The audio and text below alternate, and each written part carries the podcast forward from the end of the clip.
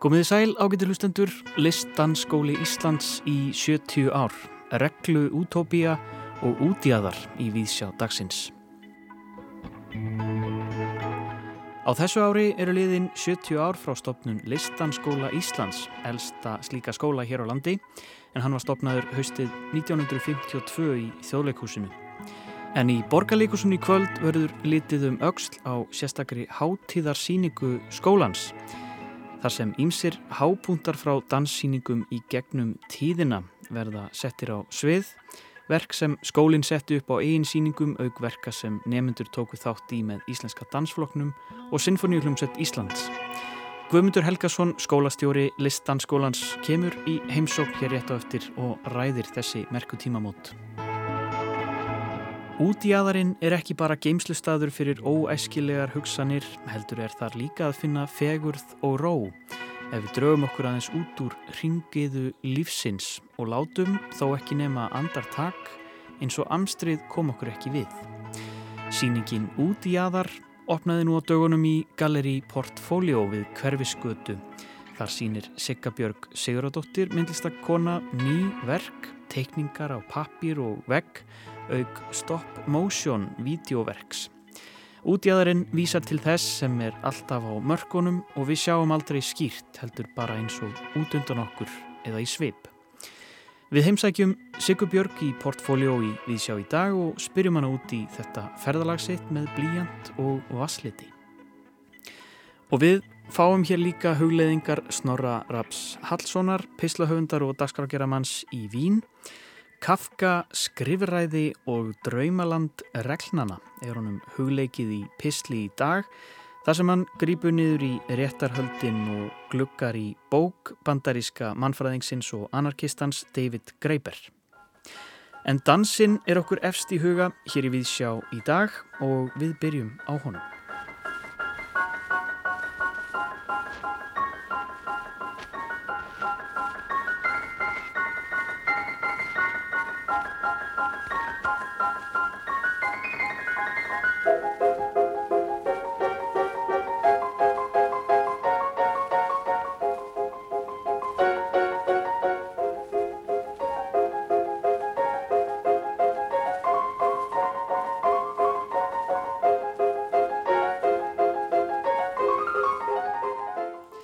Hinga til mín í Vísjá er komin Guðmundur Helgason, skólastjóri Listanskóla Íslands. Skólinn er 70 ára í dag eða svo, hér um byll, 13. apríl.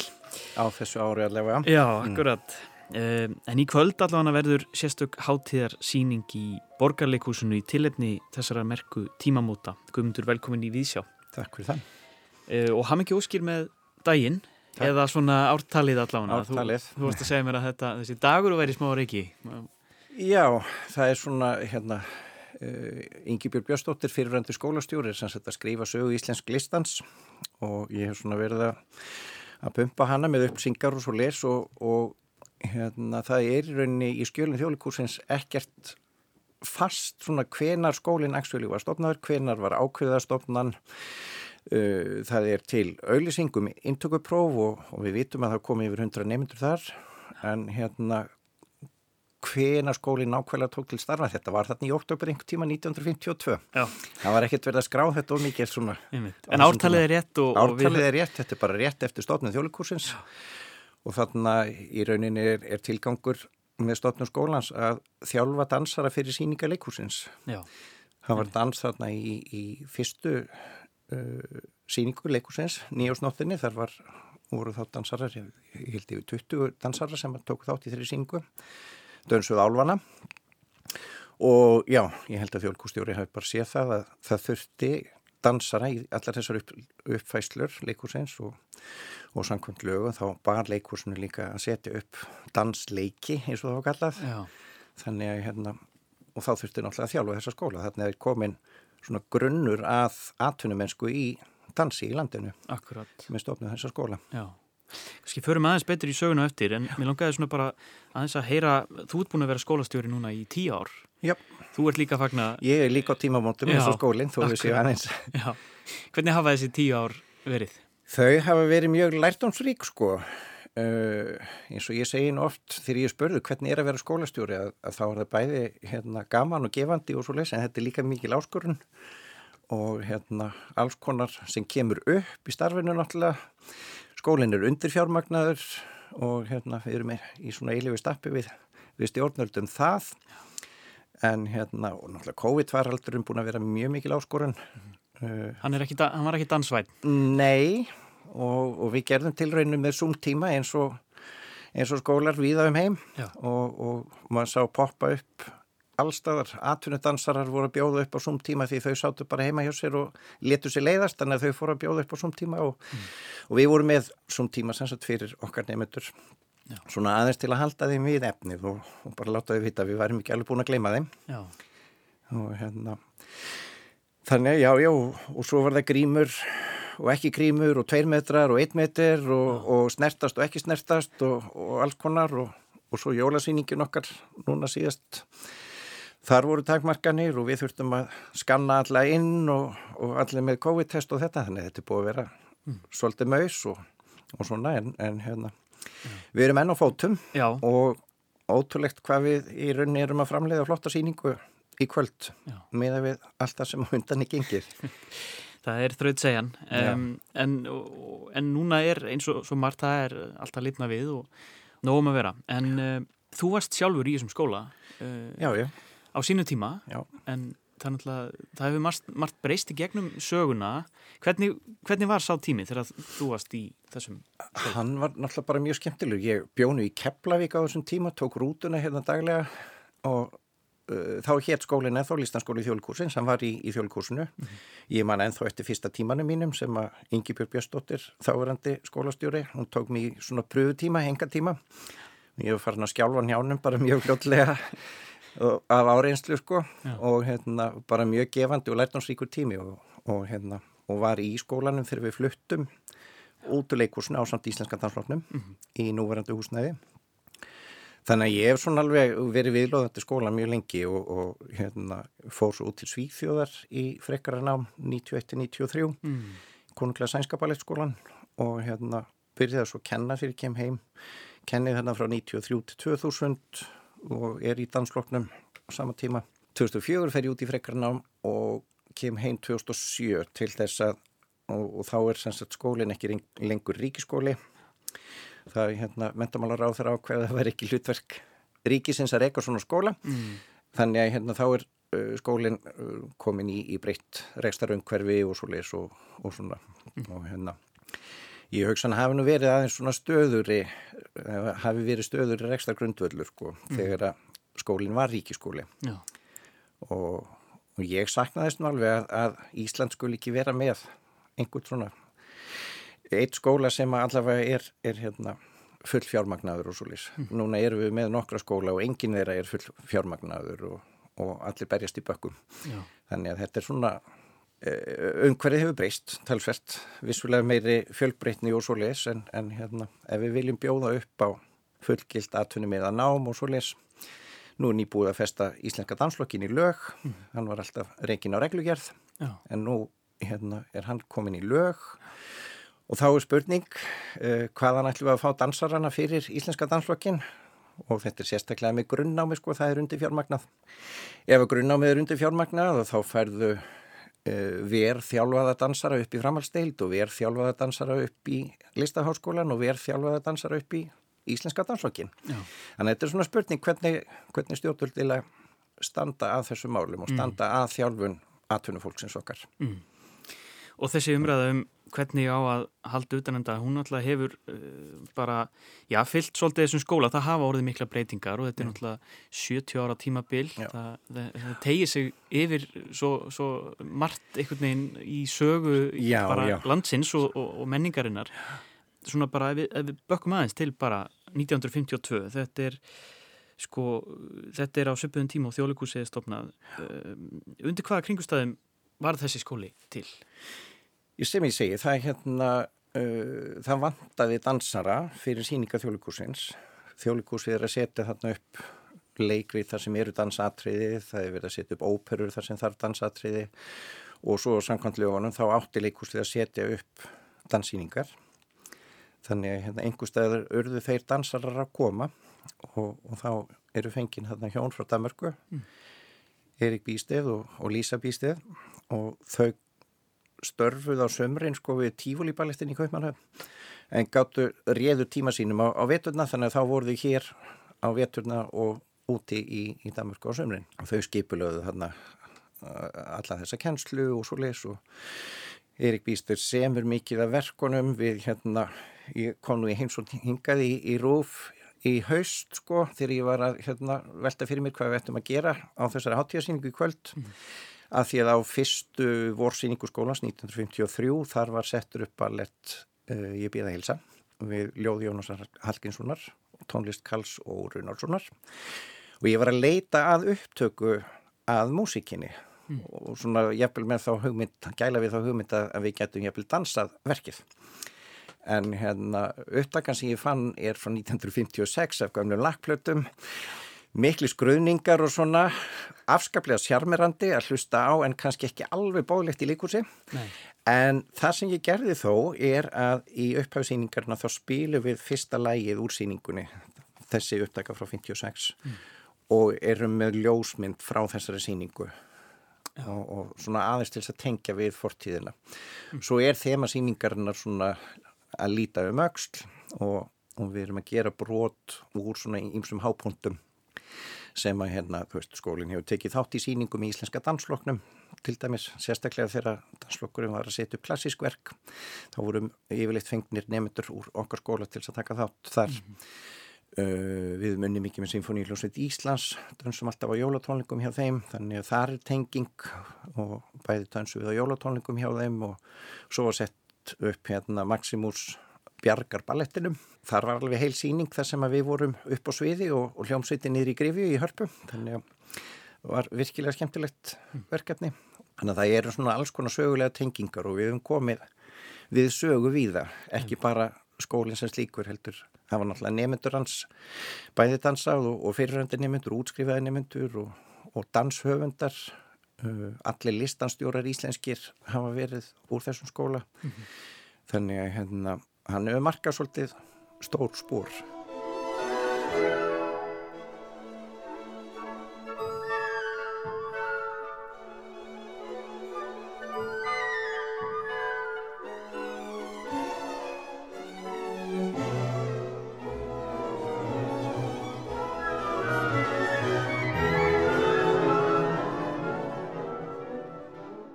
til dæmis að kenna þarna einum yngri hóp tíjar á barna og hérna þegar ég var svona að hugsa hvað ég ætti að gera fyrir þau að þá myndi ég eftir aðtriðir sem að uh, ég myndi ekkit eftir dansinu sem slíku en ég myndi svona eftir hugrifunum mm.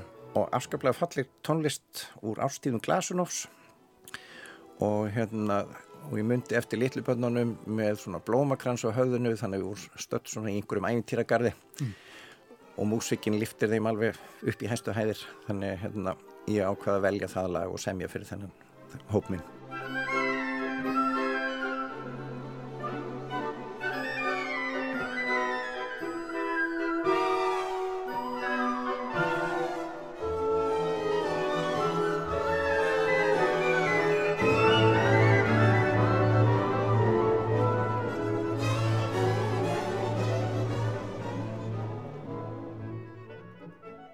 lítum um auksl og, og ég menna fyrir 10 ára síðan á 60 ára amælsýningun þá settum við upp svanavatnið í hilsinni mm þannig að við erum með tvö atriði sem að tengjast þeirri síningu fáum til okkar gestadansara útskrifaða úr skólanum til þess að dansa kvítasvanspatudu sem er nú ansi hátt fjalleg að klífa og ég er búin að vera að vinna með þau núna undanfarnar hérna vikur. Mm bara búin að vera afskaplega gefandi. Þetta eru nefnendur sem að fóru utan í frikara ná Þorbjörg Jónasdóttir sem fór í San Francisco Ballettskólan og Benedikt Gilásson sem fór í hérna, Kíó kunsthugskólan í Oslo, Listnáskólan í Oslo svona tilfrekar náms og, og hér komaði og, og eru gestadansarar. Uh, Emilia Benedikta sem er að dansa með íslenska dansloknum þar ertu komið dansara sem er svona komið mjög langt með sinn feril hún kemur og, og dansar sóló fyrir okkur. Mm og svo eru við með einn nýjútskrifaðan frá því fyrra sem að kemur að því það vantar svolítið strákana þannig að við fengum einn, einn piltir að vera með okkur mm. við gerum brot úr Don Quixote sem er svona spænskur spænskur ballett og þar vantað okkur að hafa svona nokkra þorsbúa kallkynns og, og ekki síst nautabanana Já. og eins og ég er nú búin að vera að segja við ég, ég er ekki með naut, nauta aðtið sem slíku en í þessari sögu eru nautabanarnir aðall þannig að hérna En engin naut? Engin naut. Engin naut voru drefin við gerð þessara síningar. Akkurat. Þannig, já. Já, þannig að þetta er, þetta er mjög fjölbreytt. Mjög fjölbreytt. Við erum að sína bæði, þetta er bæði grunn og framhalstilt, við erum að sína bæði klassískan og nútíma dans. Einn kennarinn okkar sem er nú í fæðingarólafi núna kom að horfi á aðalæfingu í gerð og síningin er svona kannski tiltölulega laung, hún er um tveir tímar en hún sæðist bara að vera tilbúin í að sita lengur og, og sjá meira. Já. Þetta leið svo fljótt, fannst henni. Já. Þannig að hérna, þetta er bara, já, mjög fjölbreytt. Já. En um, það er náttúrulega tími til að fagna en mér heyrist líka að það dansin ásóldi undir högg að sækja og það þarf svolítið að, að svona, hvað er þetta að gera til að spýta í? Það er svona ákveð skilningsli sem finnst mér á lísgreininni sem ég segja eins og ég voru að nefna með danslokkin nú er danslokkurinn komin í lög mm. og ef við viljum halda upp í gæðum í dansloknum þá verðum við að halda vel utanum mentum dansarann okkar og upplögt grunnám er grunnurinn að framhalsnámi, að háskólanámi og, og atvinnumennsku og hérna ein, við erum búin að standa, nú sýti ég í stjórnfélags íslenska listansara líka. Við erum búin að standa svolítið í stappi við stjórnvöld og, og svona og, og þetta strandar á því að það er engin lög um listansmyndun við erum með lögum um náttúrulega venjulegt nám, bóknám. Mm -hmm. við erum með lögum tónlistaskóla en það eru engin lög um listansnámið. Og þar svolítið strandar þetta allt saman og hérna sveitafélagin segja þú veist, akkur eigum við að borga ekki það borga fyrir þetta nám. Það, það er engin lög sem segja við eigum að gera það. Nú reyndar sá ég frétt í vikunni að, að Hafnarfjörðabæri var að gera samstagsamning við Listanskóla Hafnarfjörðar sem er bara frábæra fréttir. Mm.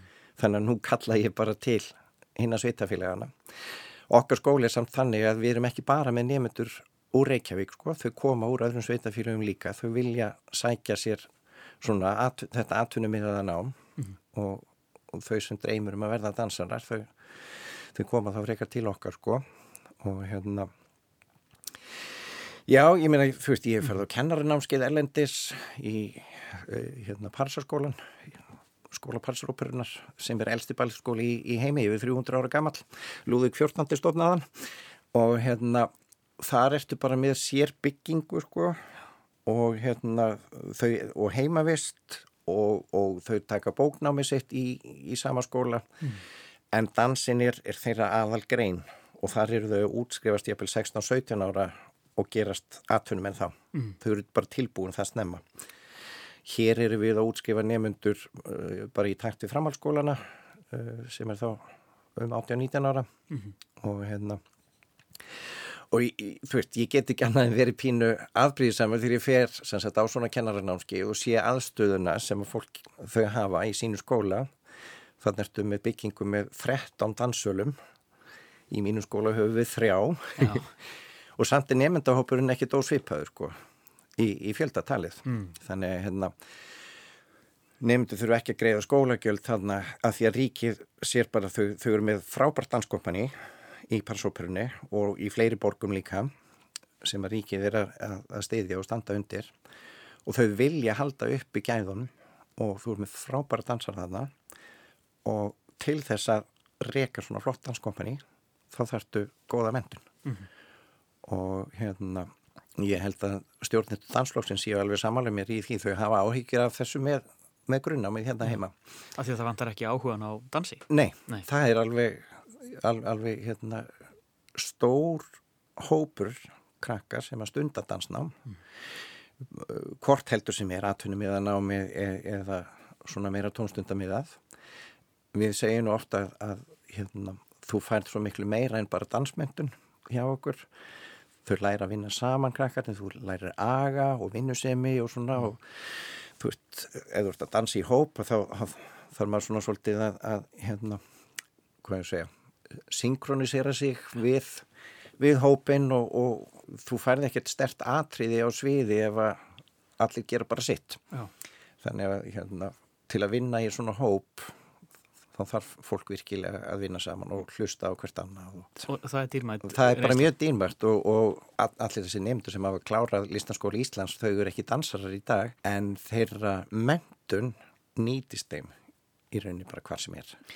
Og Listanskólinn heldur áfram og en þið er að staldra aðeins við, það er 70 ára afmælis háttíð og, og hún er í kvöld í borgarleikúsinu Já, hún er tvær síningar klukkan 5 og klukkan 8 mm -hmm. mm. Og þeir eru líka eins og horfa til framtíðar. Þeir eru svo, reyna að vera bjart sín og... Já, já, já, já. Og það er smá svona rúsina í pilsuendanum á síningunni þar sem við kannski göndum svolítið með hvar við verðum eftir 70 ár. Já.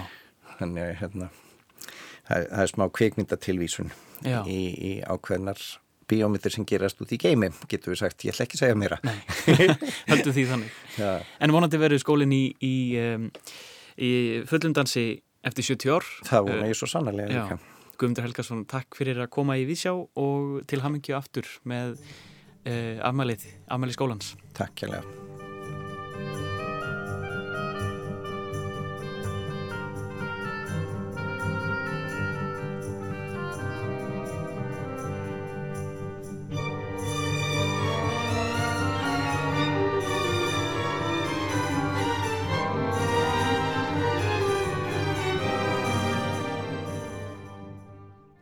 Örstuðt brot úr ástíðum Aleksandrs Glasunovs, opus 52, hér á eftir spjalli um Listanskóla Íslands í 70 ár. En þá allar Snorri Hallsson að flytja okkur hugleðingar sínar, Kafka, skrifræði og draumaland reglnana kemur við sögu í Pistlegans í dag, þar sem hann grýpur niður í réttarhöldin og glukkar í bók eftir anarkistan David Greiper. Snorri Rapp tekur nú við.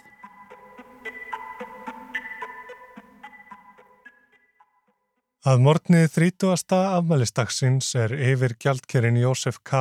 handekinn. Af einhverjum útsendurum frá einhverju stopnun fyrir einhvert glæp. Svona hefjast réttarhöldin eftir Frans Kafka. Okkar maður Jósef K. er þó ekki færður í fangaklefa. Hann fær að vera frjáls innan gæsalappa á meðan hann býður frekar í leifinninga frá mála nefndinni. Hvaða mál svo nefnd fyrir með er ekki alveg á hreinu og neyðist Jósef K. til að þvælast fram og tilbaka um ránkala völundarhús ósýnilegs kervis í tilraun til að finna eigin réttarhöld. Þar til, og hér kemur höskuldar viðvörun fyrir tæplega aldar gamla bók, að kvöldi 30. og fyrsta afmælistags Jósefs K. Þá mæta tveir útsendarar heim til hans, fara með hann í grjótnámi fyrir utan borgina og taka hann af lífi. Stungin til bana eins og hundur, segir Jósef K. með síðasta andadrætti sínum, fær hann aldrei að vita um hvað réttarhöldin snýrust, hvað hann átti að hafa gert af sér. Ég las réttarhöldin fyrst þegar ég var enn blöytur á bakvið eirun, rétt skriðin úr mentaskóla, og ég kannast engan veginn við þennan veruleika. Tilvera mín hafi gengið nokkuð smurt fyrir sig í þau fáu skipti sem ég hafi þurft að standa í því að díla við kerfi. Internetöldin var lungu búin að útrýma pappirsvinnu og pappir ég gata mestu leiti séðum hlutina sjálfur. Næstla sé réttarhöldin þegar ég bjó í Danmörku og upplifum mín var sveipuð. Danirnir voru örlítið stífari með sín vikunúmer og lungu úrvinnslu fresti en allstaðar mætti maður leiliheitum. Flestu var nú hægt að retta með smá undirbúningi en tilturlega lítilli fyrirhöfn. Ég held að þessi engin tilviljun að um leið og Jósef K. verður þrítugur, bergi kerfið að dyrum og gleipi hann að lokum. Það er einlega fyrst þá sem maður fyrir að gera þessa hluti sem virkilega krefjast þess að maður gefið sér kerfinu á vald. Þegar ég gifti mig fyrir nokkrum árum þurfti konu mín að fljúa til Póllands, þaðan sem hún er, til að sækja frumrit af hjúskaparstöðu vottorði, svo við getum fengið útgefið könnunarvottorð hjá síslimanni, svo við getum farið og látið gefa okkur saman í votta viðvist og fengið svaramenn til að kvita undir og þá loks fengið nöðsynlegt hjónavíkslu vottorð. Það hefði næstum verið auðveldara að fljúa bara til Vegas. Ég er farin að skilja Kafka betur og nú þegar ég býi því sem eftir er af keisaradæminu sem Kafka kallaði heimaland sitt óttast ég hálfpartin að rifja upp kynnin við hann á ný. Ég hrettur við að vekja upp allt of sterka samsörun milli Jósefs K. og eigin reynslu af þýskumælandi skrifræði. Ég ætla ekki að drepa ykkur úr leðendum. Þið þekkið eflaust mörg af eigin raun hvernig nefndir og ráðna og tangar haldi á hverju því sem þau finna upp á. Hvað barnið þitt má heita, hvort þú fáið lán, hvort skert vinnu geta veitið rétt á bótum, hvort námið þitt sé lánsæft og svo framvegis og svo framvegis og svo framvegis. En býðum við. Er þetta ekki farið að minna óþægilega mikið á veröld sem á að vera horfin? gömul kerfi sem er ekki lengur við líði þar sem reglufjöllin rönnuðust upp og ennbættismenn og ríkisbubbar þurfti að leggja blessun sína yfir og stempla í þrýriti hverja einustu gjörð. Búum við ekki í frjálsu og opnu samfélagi? Hvartar nokkur yfir skrifræði lengur? Já og nei. Já, þetta minnir á það og nei, þetta er ekki horfið. Það hefur bara tekið á sig nýja mynd. Í bókinni The Utopia of Rules eða Draumaland reglnana frá árinu 2015 greinir mannfræðingurinn og anarkistinn David Graeber þetta ástand okkar. Sumir hlustendur kannast eflist við nafnið en ég hef áður fjallaði um meðsölubókina Bullshit Jobs eftir Graeber á þessum vettvangi. Og hér eins og þar tekur Graeber stert til orða. Hlýfir engu. Útgangspunkturinn er sá að við búum við total bureaucratization sem mætti útleggjast sem skrif alræði eða öllu heldur alskrifræði. Það er kannski ekki einn stertil orðatekið. Lögmál skrifræðisins hafa tekið yfir alla þætti tilverunar. Við þurfum alltaf að fylla át eðublöð, erum alltaf undir stegveldi skrifræðisins sett. Hafa byrjið huga að Greipер var bandarækjamaður og bókin er mjög bandarækja miðuð en það er eitt á annað í henni sem hefur víðari skýrskotun. Segir Greiber meðal annars að við tengjum skrifræði við ríkið og stjórnvöld og eini valkosturinn við það sé hinn frjálsi markaður. Má þar minnast á reglugerð Evrópusambandsins nr. 2257-94 um gæða staðla fyrir banana. Þar sem tekið er fram að óþróskaðir grænir bananar skuli hafa viðegandi sveiju fáranlegt. Hinn frjálsi markaður væri aldrei svona, er það? Staðrendin er hins vegar svo, segir Greipir að þetta fari hönd í hönd. Markaðslöstnir á hinu og þessu hafi blásið út regluverkið og þau skilir því sem þarf að uppfylla. Það gengst bara engin við því. Það er engin að fara að segja mér að það verði minni pappisvinna, færri reglur þegar sjálfstæðisfloknum tekst loks að koma bjór í búðir. Þegar verið er að auðvelda eða leta á regluverki er í raun bara verið að bæta fleiri reglum við. Markaðurinn bendir svo ríkið en til dæmis þegar kemur að banka lögjöf í bandarækjunum þá er hann að miklu leiti skrifuð af böngunum sjálfum. Önnur byrtingamind al skrifræðisins er hver mikið af okkar eigin tíma fer nú í að fylla út form og eðublöð, svara könnunum, gera tímaskíslur og svo framvegis. Við erum látin sjá um allt sjálf. Þetta tengist að vissuleiti kæftæði störfunum, þar sem milli stjórnendur og annað óþart starfsfólk fyllir út í tímasinn með pappisvinnu. Það þarf að hafa umsjón með öllu og til að hafa umsjón þarf að skrásetja og mæla þó blöðin endi svo bara ofan í skuffu. Og þetta er líka svona stöðum þar sem maður vinnur ekki eins og sjálfur. Í nafni hæræðis og þæginda er skriffinsku úttýst á okkur gerð tjónaskísla og tilkynninga, allt það sem maður getur bara gert í heimabankanum því annars er tekið gjald fyrir. Þegar maður ringir í fyrirtæki eða stopnun er beðlægið yðurlega trublað af vinsamleiri ábendingu um að hægt sig að nýta sér vefsíðuna til að gera hitt og þetta. Það er eins og vin í eðimörkinni að lenda á hjálplegum þjónstufulltrúa sem gerir það sem þarf að gera fyrir mann. Því sjálfur veit maður ekki neitt er ekki innmúraður inn í þetta tiltekna skrifræði sem fer eftir þessum tilteknu reglum og maður fyllist kvíða. Kvíða yfir því að klúðra hlutunum og gera eitthvað vittlust. Því mistök hafa afleiðingar og geta kostamann. Og tilgangurinn með þessu öllu saman? Að hafa af okkur peninga, segir Greipur. Greipur rekur samtalsitt við hagfræðing hjá Alþjóða bankarum eða Alþjóða gælderisjónum, hann segir ekki hvort. Umræðefnið var hvernig refsa skildi fyrir allt svindlið sem hrindi af stað fjármálakreppinu 2008. Og þar kemur í ljós að sektirnar sem bankar sæta eru nánast alltaf lægri og mun lægri en hagnaðurinn af svindlinu. Þýðir það þá, spyr Greipur, leiðrættu mig ef ég hef ránt fyrir mér. Er ríkið ekki að segja, þú mátt svindla eins mikið þú vilt, en ef við nöppum þig, þarf það að gefa okkur okkar hlut. Já, ég get auðvitað ekki sagt að þannig sjálfur á meðan ég vinn hérna, svarar hagfræðingurinn. Eins má nefna það hvernig það þarf sífælt fleiri pappira til að sanna hitt og þetta. En það er annað form af skrifræði og gjaldir tekið fyrir í hvert skipti. Credit Info hefur komið sér kyrfilega fyrir þarna. Og svo er það annars konar pappirar. Fleiri og fleiri störf krefjast þess að maður sem er háskólagráðu sem í bandaríkunum kostaði þetta morð fjár. Enga fyrirtæki græða á námslónum og háskólaðni líka. Þetta á ekki eins vel við á Íslandi og þarna Vestanhafs en það hafa sprottið upp sjóðir sem stíga inn í gatið sem mentasjóður námsmanna skilur eftir sig og gatið er búið til af reglum. Og svo er það auðvitað þannig að lakara aðgengi að mentun þeirra sem hafa minna á milli handana viðheldur auðvitað núverandi ástandi.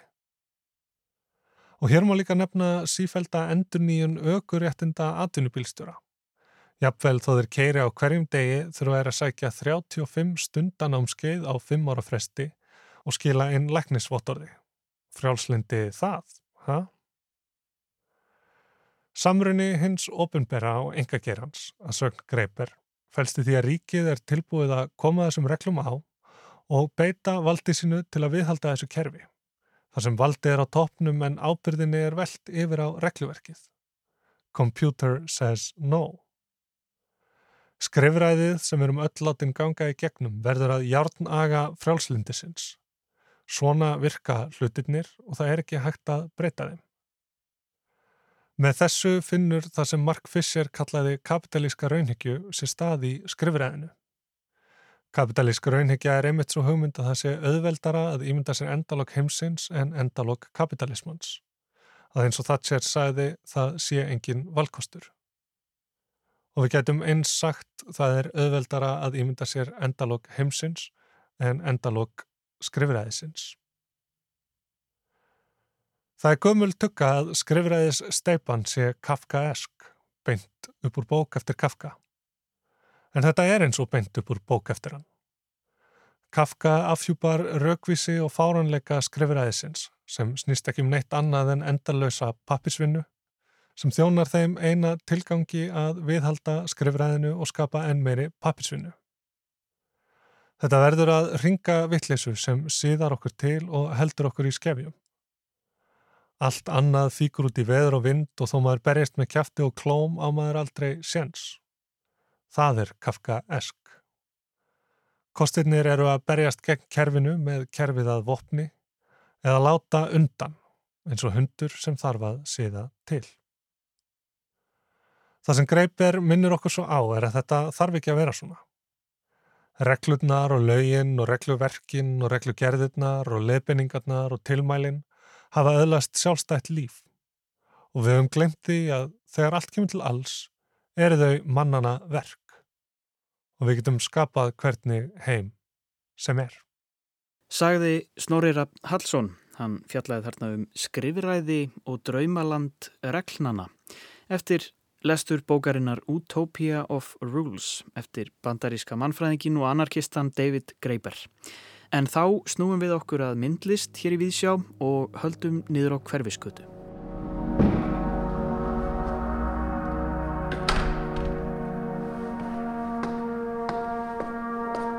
Hæ, Jóhannes. Hæ, Sigga. Gáðan heita þess. Umleis.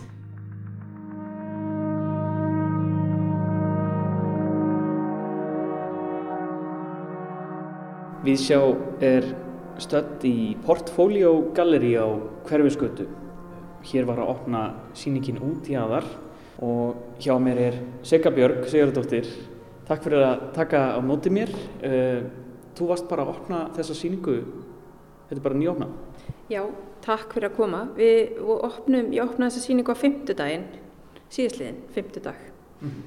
Til ham ekki með þetta. Takk fyrir. Hvernig er tilfinningin? Hún er bara, hún er bara fín, sko, já. Mm. Hún bara setur vel. Það fyrir vel að stað? Já, já. gerir það. Út í aðar, segð mér aðeins frá þessu. Hver er, hver er hugmyndin hérna baki?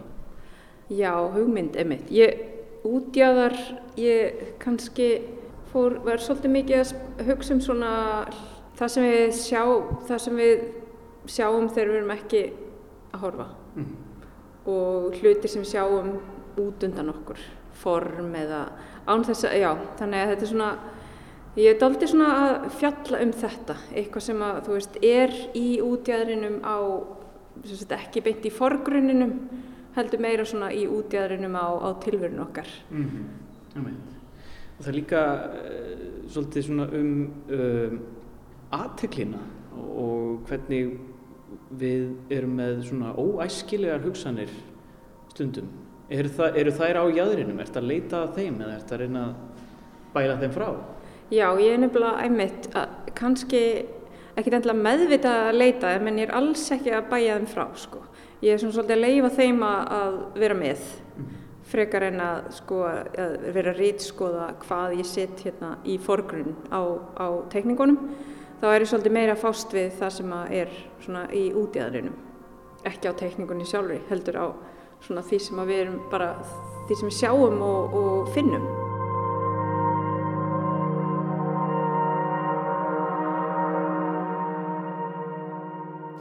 Jón Proppi, listfræðingur, skrifar lýsingu á síningunni Út í aðar í síningaskrá. Hann segir að út í aðarinn vísi til þess sem er alltaf á mörkonum og við sjáum aldrei skýrt heldur bara eins og út undan okkur eða í svip, kannski bara missýning. Á mörkonum er allt óráðið og getur farið á hvaða veg sem er.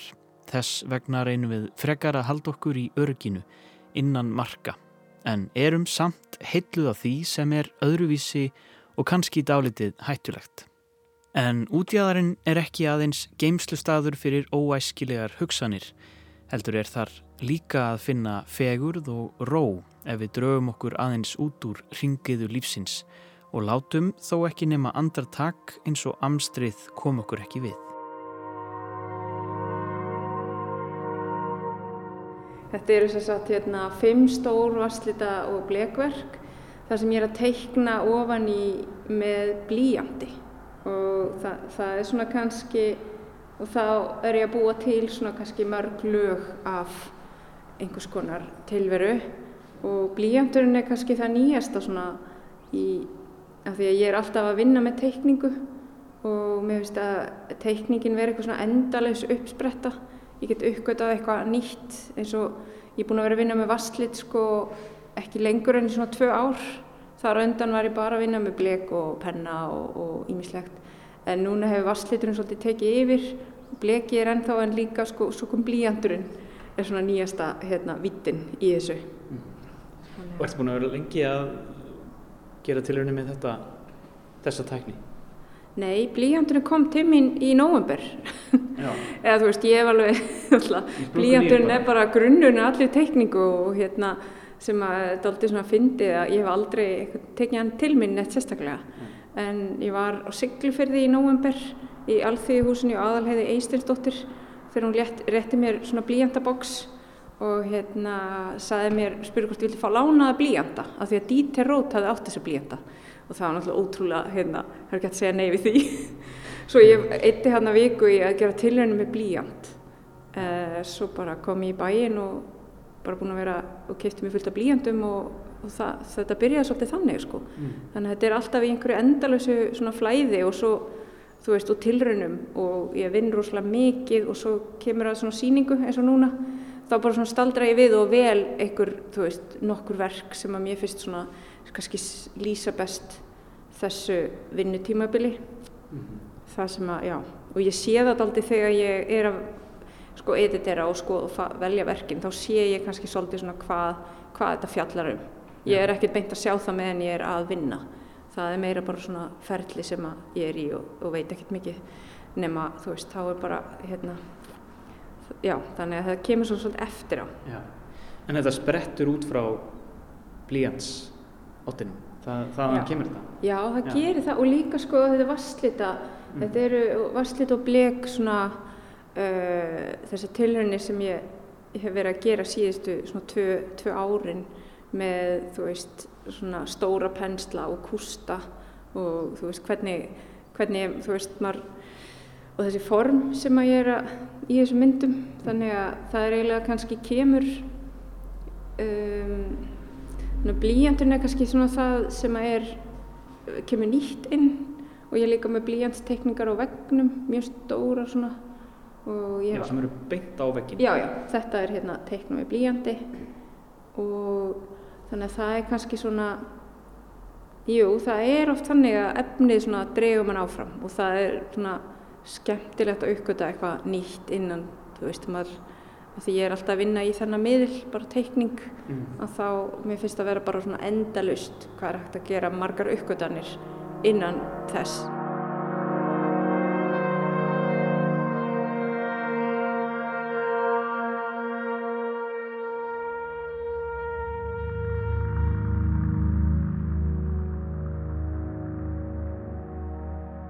og litirnir, getur þú sagt mér eitthvað um þá, hvernig þú velur þá og hvað, af því er, þetta er svona blíjandurinn, það er dökkir og hvítir fletir og svo kemur, koma þessi sterkur litir inn með vasslitin. Já, sko þetta er fyrirli hín áttina, þetta byrjar svolítið á vasslitin.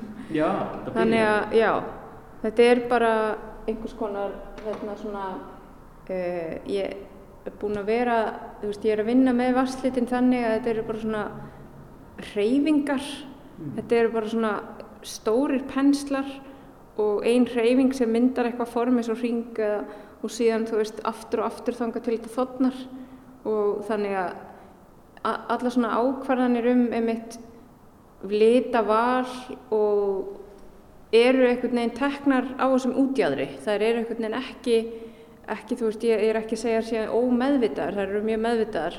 En, en þetta er svona þú, þetta er svona doldið mikið ákvarðinni tekna með og, augunum og, og maganum mm. og síðan kemur tekningin ofan á það til að draga, svona, draga fram eitthvað svona rými inn í þessu, þessum lita hérna, formum. Og hérna beint á móti vegnum þar sem þú teknaðir á veginn sjálfan með blíjandi, það er svona svolítið grófur, steiftur veggur með minni myndum. Það eru aðeins öruvísi. Já, það eru samt algjörlega sko tengdar allar myndirnar inn inni, þetta er svona seria og líka myndirnar sem eru niðri.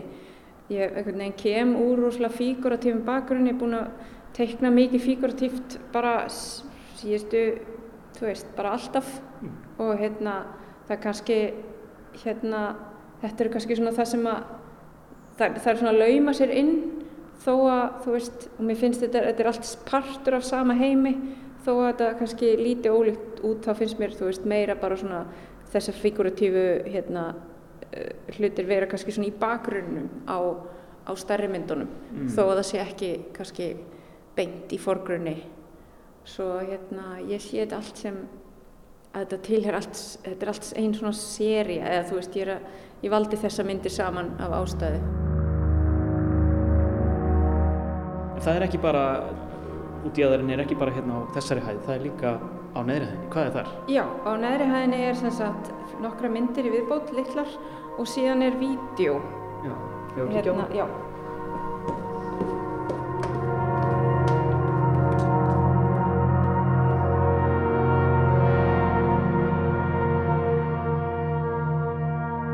Þetta er sem sagt tekið upp í sama ferli og ég var að vinna teikningarnar í og ég geri þetta rosalega oft ég, þegar ég er að gera svona, svona serjur af teikningum þá er ég líka að búa til vídeo en vídeoið er allt gert sagt, með svona stop motion teiknumynda aðferð mm. þannig að þetta er ekki digital uh, þetta er tekið upp bara svona ramma fyrir ramma.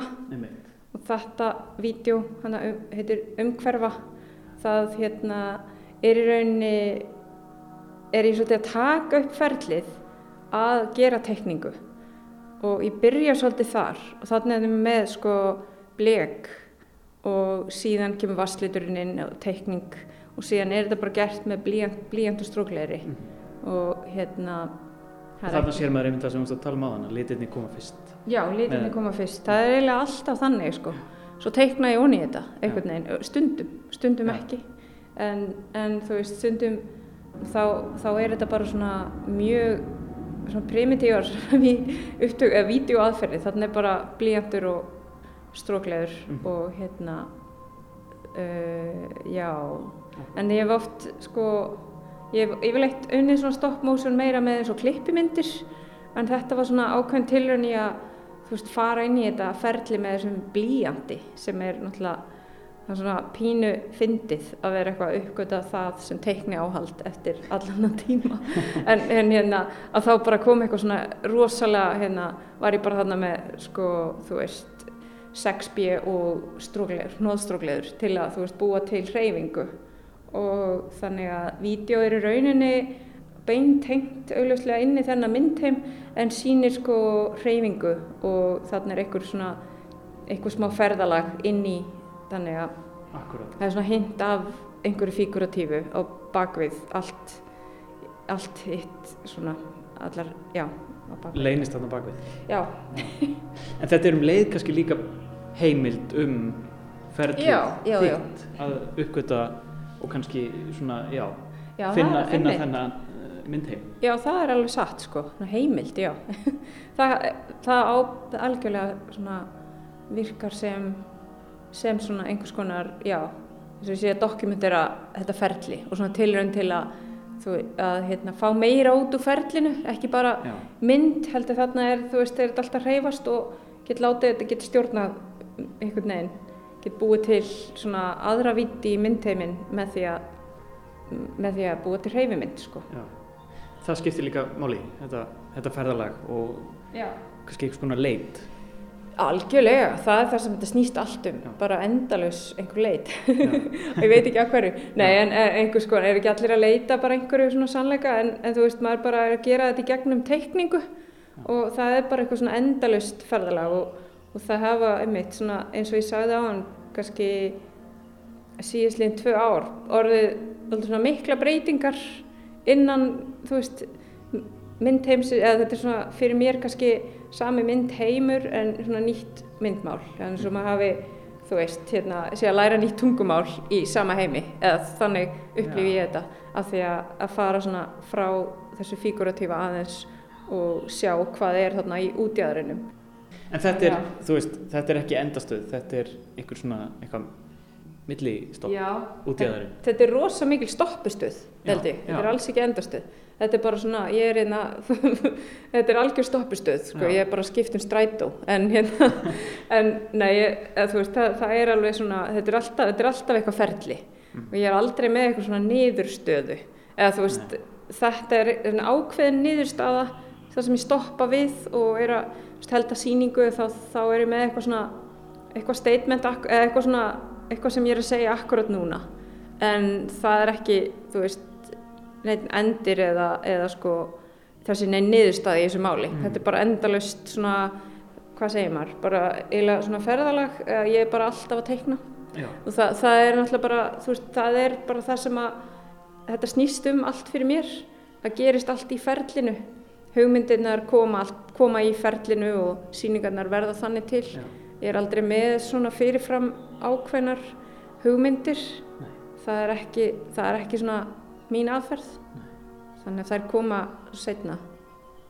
Þetta er bara eins og í góðri fjallgöngu, þannig að bara maður þarf að stoppa og taka nesti. Já, já, já, þetta er gott nesti stopp já. á hverju skutu. Hérna. Já, ég held að við bara segjum svo lokið hérðan í byli. Þetta já. er þetta er síðan bara áframhallandi ferðarlag, veistu hvert ferðin er heitið eftir þetta? Uh, já, ég er nú bara áframhaldandi að vinna í, í þessu og það er náttúrulega bara, já, síningar framöndan og, og svo, er, svo er þessi síning ofin til 7. mæ. Þú, þú verður með blíjandin af opni? Ég, öruglega einhver tíma áfram. Já. Það kemur úr glæði að ég, þú veist, fyrir eitthvað annað, ég þú veist, það hlýtur að vera en að það kemur að maður uppgöti, þú veist, eitthvað annað eins og yttara, nei, nei, nei eins og hérna, bara, ég, þetta er bara eins og svona já, ég er ekkert, það er aldrei neinn plön sko. Nei. En hann var með þér í þessu ferðalagi? Hann var með mér og er með mér ennþá sko, þannig að það er alveg máli búist í því að hann verði aðeins áfram sko. Þannig að mér finnst bara rétt að byrja sko.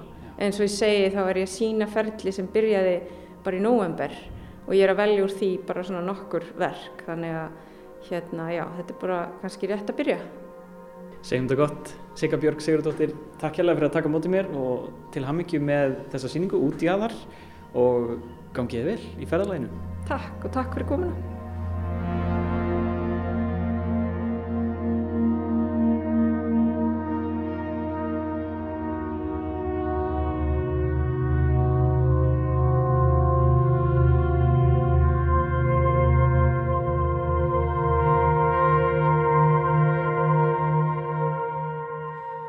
Stígum hér út af myndlistasíningu Siggu Bjarkar út í aðri með þessa draumkendu og fallegu tónlist eftir Mikael Lind sem er hluti af síningunni. Við mælum með því að fólk gerir sér ferði portfóljó við Körjuskötu. En við sjá verður þó ekki lengri þessa vikuna. Framundan er páskaháttíðin. Ég vona hlustendur njóti háttíðana sem allra best. En við heyrum svo aftur á þriðjúdægin í næstu viku. Takk fyrir samfélgdana í dag gleðilega páska og veriði sæl. Thank you.